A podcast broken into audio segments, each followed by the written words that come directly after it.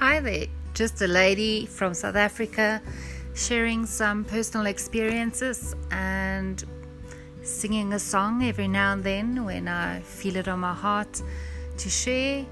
So basically, this is just a platform to share my thoughts, feelings, and my voice um, with those who care to listen.